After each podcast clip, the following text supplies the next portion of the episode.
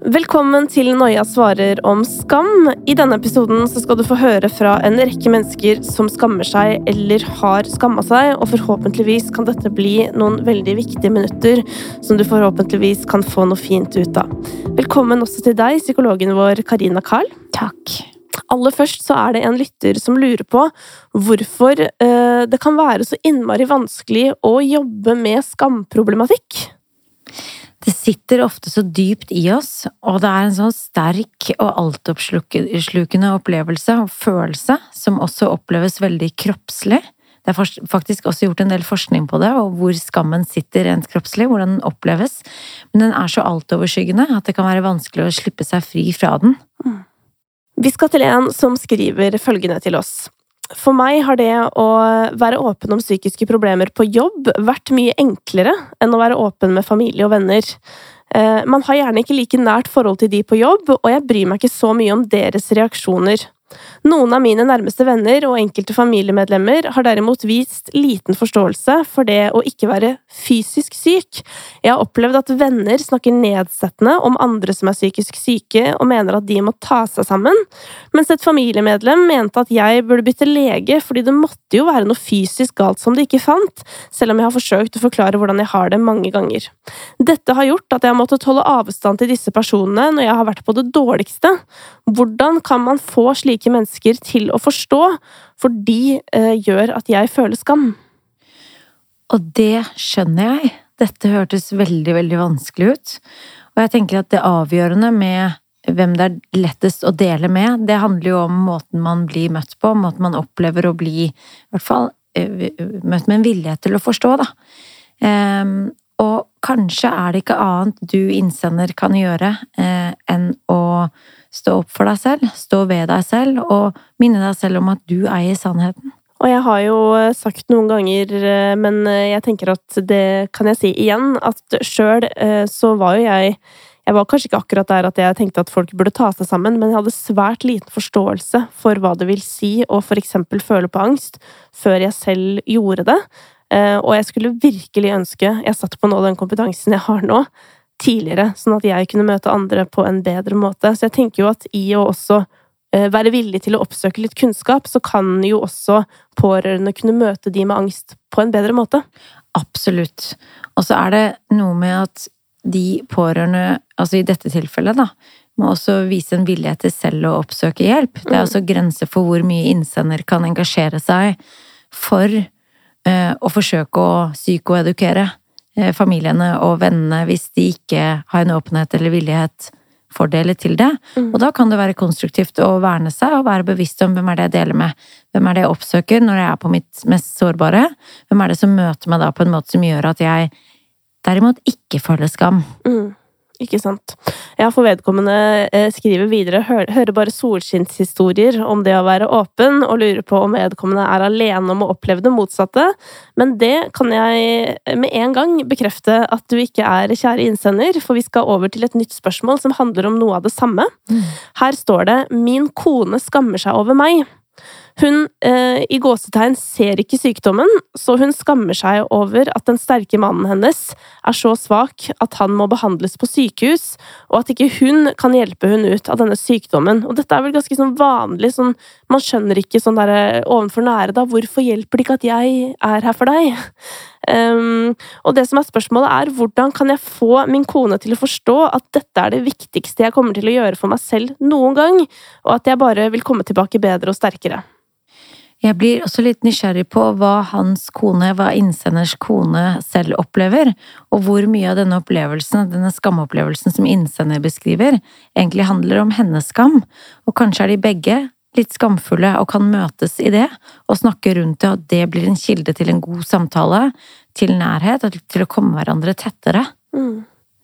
Og undersøke litt um, hvordan oppleves dette for deg, hva skaper det i deg, og åpne for en dialog, så de kan forstå hverandre, og hva, og hva dette betyr for de to hver især. Mm. Og der kan det jo hende at man møtes på et fint nivå, liksom. Det er akkurat det, og det kan hende at det han sier, er noe annet enn det hun hører ham si, og omvendt. Mm. Så det kan man sjekke ut. Hva hører du meg si? Hva betyr dette for deg? Hvordan får det deg til å føle? Hva trenger du fra meg? Så kan man prøve å undersøke det sammen, og da avklare, komme hverandre tettere og nærmere, og, og skape en forsonelse. Mm. Og da tenker jeg at eh, skammen forsvinner. Vi skal til neste spørsmål, og her står det Jeg skammer meg veldig over et angstanfall jeg hadde hos legen for ikke så lenge siden. Legene vil jo bare det beste for meg, og nå etterpå skammer jeg meg veldig over anfallet. Jeg får ikke blikkene ut av hodet etter at jeg var der sist på kontroll og da fikk dette anfallet. Og hvorfor skal jeg ha angst for noen som bare vil det beste for meg? Jeg skammer meg forferdelig over denne angsten, og hvordan kan jeg takle denne skammen? De blikkene blir jeg så nysgjerrig på. Hva er det du innsender? Hva er det du ser i de blikkene? Og eh, kan det være noe rom for fortolkning der? Kan man, kan man oppleve eller erfare de Omskrive betydningen av de, de, blikkene? Og at de da får et annet fortegn? Mm. Hva er det i det du opplevde der som skaper skam hovedsakelig? Det kan jo hende at de blikkene var på en måte sånn shit, går det bra med deg-aktige blikk Mm. som kom fra et kjærlighetsfullt sted. Mm. Mm. Og hvor mye av den oppfattelsen som innsender har, da, handler om tilstanden han eller hun selv var i. Ehm, og den tilstanden vi er i, følelsesmessig, mentalt, påvirker i veldig stor grad hva vi ser, måten vi fortol fortolker omgivelsene, signaler fra omgivelsene på. Mm. Men det gjør meg nysgjerrig på at hvis du da eh, Innsender var jo åpenbart i en tilstand av angst Nettopp. da vedkommende så disse blikkene. Når man da er ute av tilstanden, vil man da fortsatt se den opplevelsen i lys av den angsten man hadde på det tidspunktet? Jeg tenker både og, men kanskje vil man ser den litt mer nyansert. Og spesielt hvis man går litt til, er litt nysgjerrig på hvordan ulike følelsesmessige tilstander virker inn på fortolkningsapparatet. Mm. Hvordan tenker jeg var en tendens til å se eh, Hva legger jeg merke til når jeg er i en tilstand av angst, eksempel? Hva skjer da med, med fokuset mitt, eh, og måten jeg tolker på? Mm. Og da eh, kan det være interessant å se kanskje fellesnevner, for da etter hvert å kunne ta et steg tilbake og observere det, heller enn å reagere på det på Mm. automatikk i situasjonen. Mm. Ja, for det, jeg kan også kjenne meg igjen i sånn at når tilstanden er dårlig, så vil for eksempel en negativ kommentar kunne ødelegge en hel uke, på en måte. Nettopp. Mens når jeg har det godt, så kan jeg se forbi det på en helt annen måte. Nettopp. Og dette er så viktig. Eh, det å forstå hvordan tilstander virker på oss. Mm. Ja, for det er ikke sånn at én hendelse oppleves likt uansett. Overhodet ikke. Og da er det, som du sier, at det kan være greit å på en måte gå tilbake til hendelsen og se på sånn Kan det hende at de blikkene var noe annet enn Herregud, hva er det du driver med? Nettopp. Og hvis man da for eksempel ser og tenker at man skal gå til det litt som objektiv forsker, da, og se hva er bevisene for, og eventuelt bevisene mot, hva ser man da?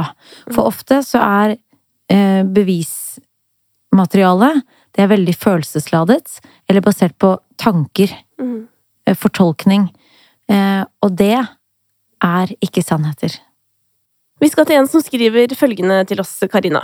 Noen ganger skammer jeg meg for at jeg ikke er mer åpen og ærlig med de jeg er glad i.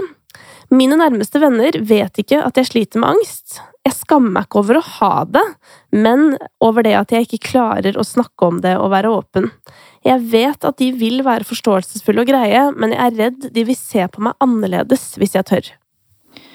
Og da er det kanskje det som er kilden til skammen. Hva hvis de ser på meg annerledes hvis jeg tør å åpne meg?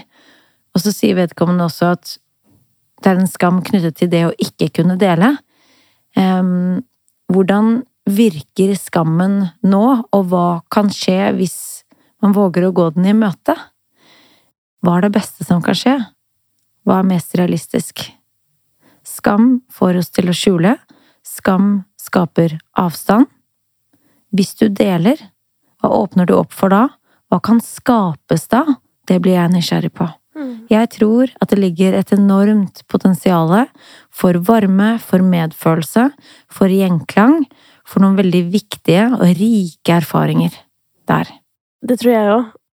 Det er en som skriver til oss. Jeg kan ha flere dager sammenhengende på jobb hvor angsten sitter kraftig i meg, og alt jeg vil er å være helt alene, eh, da sosialisering blir uoverkommelig for meg.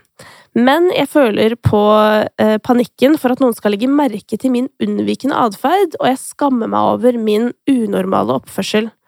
Hva kan jeg gjøre for å stå bedre i det på jobb, da skammen for angsten i tillegg blir forsterkende? Jeg får lyst til å spørre hva vedkommende gjør for å sikre seg eller unngå. Og det, Tydeligvis sørge for å være alene. det, ja, nettopp. Og det tenker jeg kanskje er veien igjennom. Hva hvis du konkret utforsker å eh, gjøre det motsatte? Handle motsatt av det angsten og skammen forteller deg? Hva vil du oppleve og erfare da? Og det kan hende at den vissheten om at du forsøker å trekke deg tilbake eh, det som foregår i deg, det er det som skaper grobunn for angst og skam, heller enn hva som faktisk foregår. Og jeg tror også at sannsynligheten også her for at vedkommende eh, tolker på sine egne følelser, er veldig, veldig stor. Mm. Så jeg vil si, gjør det så konkret som mulig, handle motsatt. Hva ville du gjort på en god dag? Eh, hva gjør du normalt? Hva er det motsatte? Hvis du skal handle motsatt av hva angsten og skammen forteller deg, hva skal du gjøre da? Mm. Det er det som er så skummelt med skammen. At den på en måte ikke bare gjør den at vi blir ufrie, men den gjør jo også at man begynner å isolere seg. Noe vi vet at fungerer veldig dårlig hvis vi har lyst til å bli bedre. Og det er akkurat det vi virkelig, virkelig trenger. Det er jo alt annet enn isolasjon. Vi trenger nærhet til andre mennesker. Mm. Det er det viktigste. Mm. Og gjennom det så får man jo bekreftelse på at du er ikke unormal. Og vi trenger det som mest når vi føler oss det verdt minst. Mm. Det er noe som heter 'elsk meg mest når jeg fortjener det minst'. Og det er noe i det. Mm. Og tenk å oppleve gjenklang. Eh, oppleve varme, oppleve å bli møtt med respekt, med kjærlighet, med omsorg. Når du aller, aller, aller mest trenger det. Mm. Vi skal til en som har vært frilanser i mange år, og opplevde at det å bli dømt på prestasjon fra oppdrag til oppdrag var veldig belastende. Eh, Videre så står det i dag har jeg fast jobb, men jeg er fremdeles livredd for kritikk, telefonsamtaler og at det skal komme ubehagelige mail hvor kolleger eller kunder uttrykker sin misnøye ved meg eller arbeidet mitt. Siden jeg forbinder mye jobbrelatert med negative følelser, blir det noen dager ekstra vanskelig å jobbe, eh, det vil si at jeg går tidlig hjem, er liksom syk, osv. På grunn av dette er jeg ekstra redd for å bli avslørt som en unnasluntrer på den nye jobben. Jeg tviler også på egne evner, kanskje jeg ikke passer på et kontor? Kanskje jeg ikke er den fødte skribent?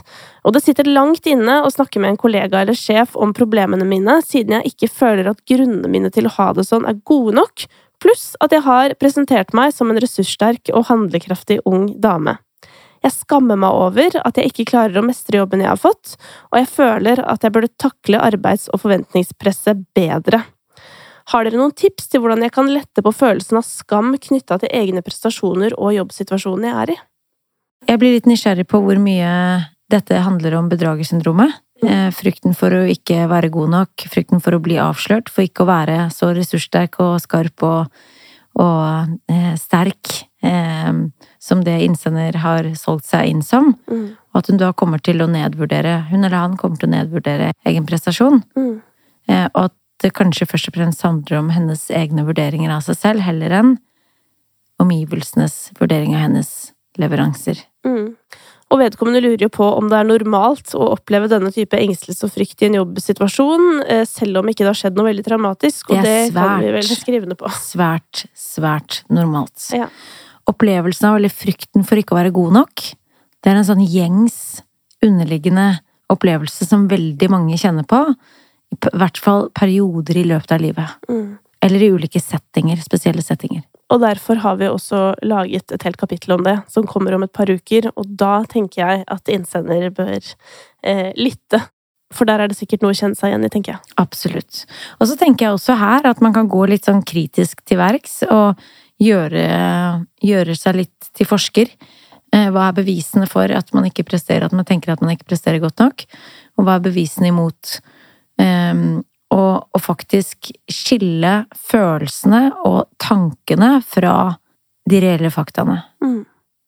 Vi skal til en som kjenner seg veldig igjen i Eli sin historie, men i en annen situasjon, for her står det nemlig For meg oppstår eh, skammen når jeg og kjæresten min skal ha sex, og jeg får en ekstrem frykt for å være intim og sårbar i den relasjonen. Det jeg lurer på er, hvor kan jeg starte for å bekjempe den skamfølelsen? Tanken på å snakke om det gnager inni meg hele tiden, men jeg finner ikke ordene eller reagerer noe voldsomt eh, med en gang jeg prøver. Fins det noen små steg man kan begynne med? Jeg tenker, kan du innsender identifisere hva du blir redd for? Hva er skammen? Hva er det du kjenner på når du kjenner deg sårbar i en sånn setting? Hva aktiveres da? Um, og der komme tettere på hva det er vedkommende egentlig er redd for. Mm. Og da kan man sakte, men sikkert bevege seg i den retningen. Mm. Men dette her er jo en setting eh, jeg opplever at utrolig mange opplever skam i. Mm. Eh, det være seg fordi man er redd for å ta opp noe som har med det å gjøre, eller at man bare skammer seg for å være naken i seg selv, på en måte. Um, hvorfor er det virker som noe av den ultimate skammen på en eller annen måte? Det er jo nettopp veldig nakent og hudløst og eh, blottet på en eller annen måte. Eh, og for noen så, så, oppleves det som veldig skamfullt. Eh, det blir veldig nært. Og frykten for å bli evaluert som ikke god nok, eller ikke leve opp på en eller annen måte, hva enn det betyr for den enkelte, den kan fort bli veldig stor. Mm. Men det er vel litt det samme her som eh, i spørsmålet vi tok opp litt tidligere, hvor det var en kone som skamma seg over mannen sin. At nettopp ved å tørre å ta de små stegene, så kan man jo faktisk komme hverandre nærere. Det er akkurat det. Det er akkurat det. Men hvilke små steg tenker du at innsender kan eh, prøve seg på? Identifisere hva som er den varme tanken. Eh, det vil si, hva er skamtanken? Hva er du redd for at kjæresten din skal se? Eller tenke om deg? Hva er katastrofetanken? Eh, hva er det beste som kan skje? Hva er det motsatte? kanskje våge å sette ord på litt og litt at noe er utfordrende i den situasjonen, at det er vanskelig, eller at du innsender blir engstelig for noe. Um, og det kan man jo gjøre i en annen situasjon, tenker jeg. En, eller sånn, hvis man føler at man har en god dag, eller ja. at man har et trygt øyeblikk. Når overskuddet er, er, der, ja, at man ikke må ta det liksom i selve akten, på en måte. Det er akkurat det. Og det å si for eksempel at jeg kjenner at noen ganger at jeg blir litt nervøs i den settingen der, eller stille spørsmål til kjæresten som gjør at dere kommer inn på temaet, um, men uten nødvendigvis å, å, avsløre med en gang hva det er du er redd for, hvis du ønsker å ta det stegvis. Mm. Eller hvor skammen eller angsten ligger. Mm. Det er sånn vanskelig å komme med én fasit, ikke sant? Fordi jeg tenker at for noen så vil det være fint å, å gå litt sånn stegvis og nærme seg det og undersøke det litt for seg selv først, og det kan være mye hjelp bare i det, å være litt sånn ekstra oppmerksom i de settingene. Eh, og for andre så er det helt klart den beste hjelpen, det er å si det, og våge å bare hoppe i det, og si det akkurat som det er. Mm. Håper innsender får prøvd seg frem til det som passer best for vedkommende. Det er en som skriver til oss. Jeg har venner som er lei ordet psykisk helse. De snakker om hvor negative folk er, og jeg vil ikke være deres negative venn. Derfor holder jeg kjeft, og derfor oppsøkte jeg psykolog i taushet. Skammen er også knyttet opp til hva jeg forteller til psykologen. Jeg har aldri følt meg så naken, men jeg klarer ikke å fortelle alle tanker og følelser med en gang. Det føles som en prosess, og jeg blir veldig umotivert av denne prosessen, og jeg mister troen på at jeg skal kunne klare for eksempel å begynne på drømmestudiet mitt. Det er en prosess, og kanskje kan du innsender sette ord på nettopp dette overfor psykologen din, at du opplever det som en prosess, at du syns det er utfordrende å sette ord på enkelte ting, eller eh, at du opplever at du må bruke tid, at du syns det er vanskelig, at det påvirker motivasjonen din, og på den måten kan du snakke om prosessen, om terapiforløpet, om det som blir vanskelig for deg, men uten å, å, gå inn i hva det egentlig er. Så du inntar et sånn metaperspektiv. Eh, og det er masse terapi i seg selv i det. Og snakke om hva det gjør med deg, hvordan det virker på deg, og det høres ut som det ligger en del skam der. Så det kan være veldig konstruktivt. Og det kan også potensielt sett gjøre hele prosessen litt kortere, for det er ikke sikkert at du trenger å fortelle i detalj det som opptar deg, men dere kan snakke om hvordan det virker på deg. Mm. Hvordan det gjør at du Um, at du skjuler, at du holder noen ting tilbake, at du kjenner på skam, at du blir motløs og syns det tar lang tid, osv.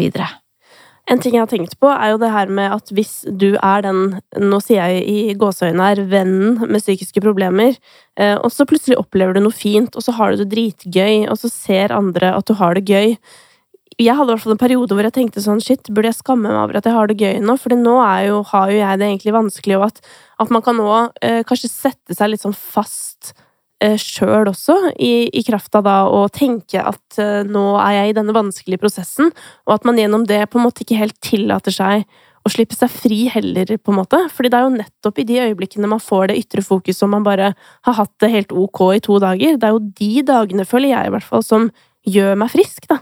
Det er akkurat det. Eh, og jeg tenker, ja, nettopp det, i møte med, med vennene, å tillate seg å øve på å slippe seg litt fri. Eh, det er også mulig å sette ord på at jeg blir låst og litt fanget i at jeg opplever at eh, det ikke er rom for å ha tunge dager eller å ha det Å møte psykiske utfordringer. Eh, så jeg merker at jeg legger lokk på eller bånd på meg selv. Det går an å si det. Og det går an å snakke om hvordan vi mennesker er mangefasetterte. Og hvordan vi går gjennom ulike tilstander, ulike situasjoner og perioder i livet. Eh, at vi har ulike egenskaper, og at vi alle opplever ulike følelsesmessige tilstander bare i løpet av en dag. Så jeg tenker at eh, du er ikke, altså til innsender, du er ikke din psykiske lidelse. Du er så innmari mye mer, og kanskje trengs ditt perspektiv i din vennegjeng. At du kan si Vet du hva, jeg er ikke enig, jeg syns dette, eller dette opptar meg, og det virker på meg på den og den måten. Da står du opp for deg selv. Og så er det litt spennende også å gi litt motstand. Det betyr ikke altså gi motstand til vennene dine hvis de har en veldig sånn tydelig holdning om at de er lei av av psykisk lidelse syns det blir for mye fokus på det. Og det kan jeg også skjønne. Det, det, vi må skille mellom det å, å, dyrke og at det blir for mye av det, og skape en balanse. Men det betyr ikke at ikke du skal få lov til å fortelle hvordan du har det, og stå opp for deg selv. Og kanskje er det ikke så farlig om de mener at det blir for mye, og kanskje blir det mindre avgjørende for deg hva de mener, når du faktisk sier at 'men dette er sånn som jeg har det nå'. Mm, det er nettopp det, for bare det å få det sagt er terapi. Nettopp. Um, helt til slutt så skal vi til en som har sendt oss en veldig interessant historie. Uh, som har hørt på kapittelet om skam med Eli. Og for deg som ikke har hørt det ennå, så handler det jo i bunn og grunn om at Eli har jobba i Oslo-politiet i mange, mange år. Hun var på jobb 22. juli 2011, en dag vi aldri glemmer, og etter det så har livet til Eli bydd på utfordringer. Etter noen år så har Eli valgt å ta initiativ til åpenhet på jobben. Hun har skrevet et brev som hun har lagt ut på intranettet til politiet, eh, og hun har fått enormt god respons på denne åpenheten om psykisk helse, som hun opplever har vært mangelvare i politiet. Vi har fått en, eh, en melding, Karina, som ligner mye på Eli sin historie, men kommer fra et helt annet felt. Det kommer nemlig fra en som har holdt på med idrett. Og her står det nå, nesten 20 år etter at jeg slutta, så har jeg tatt opp igjen fotballen på hobbybasis. Eh, jeg har ikke noe press på meg lenger, men er i flyt, og muligens på mitt lykkeligste på treningene. Lek og mestring. Eh, det er nok noe jeg også kunne blitt litt lei meg for, for jeg tenker at hvis ting hadde vært håndtert annerledes for 20 år siden, så kunne jeg hatt det bedre da jeg var aktiv og jeg kunne få kost meg med idretten. For det var jo kjærligheten for den som lå der i utgangspunktet, og i mange år før det snudde. Eh, og vedkommende skriver videre at dette er egentlig ikke et spørsmål, men jeg kjente meg sånn igjen i Eli med det å ikke tørre å si ifra. Eh, for hadde det vært slik i mitt idrettsmiljø tidligere at psyken er noe vi både kan og burde jobbe med å snakke om, så ville jeg kanskje både forstått meg selv og angsten bedre og åpnet opp for noen i støtteapparatet. Så her er det altså noen som har holdt på med idrett på ganske høyt nivå.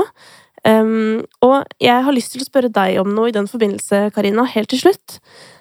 er det noen måte man kan, som Eli, ta initiativ til mer åpenhet? Fordi det er jo Jeg skjønner jo at det føles megastress å skulle være den første.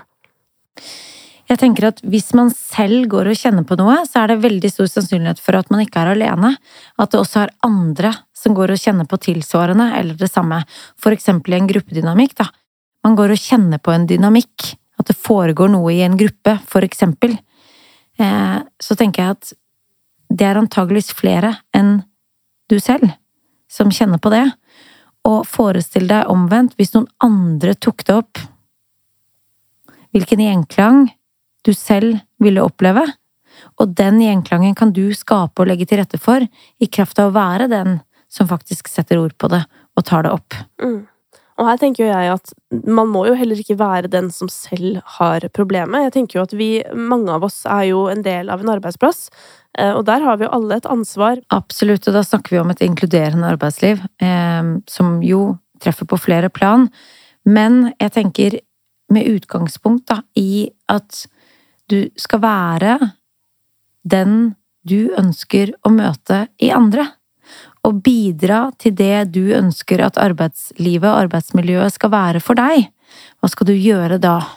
Og det kan være en invitasjon til å sette ord på for eksempel sånne type vanskelige situasjoner, da. Ehm, eller hvis man opplever at det er en kultur, ehm, eller noe som, som, som tynger eller legger lokk på miljøet på en eller annen måte. Mm. Jeg tror generelt at vi kan tillate oss å være litt mer uredde. Eh, våge å dele. Kanskje kan det hjelpe oss å tenke at det er ingenting vi noen gang har tenkt eller følt som ikke har vært tenkt eller følt av andre før oss. Vi har en tendens til å frykte at er noe galt med meg? Er det bare meg som tenker og føler dette? Eh, hva vil de andre tenke hvis de visste hva jeg tenkte og følte? Og der har vi skammen, og det får oss til å skjule, og det skaper avstand. Og hva hvis vi gjør det motsatte? Nettopp deler, setter ord på, også de tankene. Eh, hva skapes da? Jo, da skapes tilhørighet. Da skapes nære bånd og autentiske, sterke, trygge relasjoner. Mm. Og det er også det beste utgangspunktet for et arbeidsmiljø. Tusen takk for mange gode råd i dag, Karina Karl. Neste uke så skal det handle om tvang. Det er jo noe vi har tatt opp i Noia tidligere, men denne gangen så skal vi over i litt mer diffus eh, tvang. Du skal få møte skuespiller Ruby Dagnall, som skal fortelle deg sin historie om eh, et liv som har vært prega av tvang i stor grad.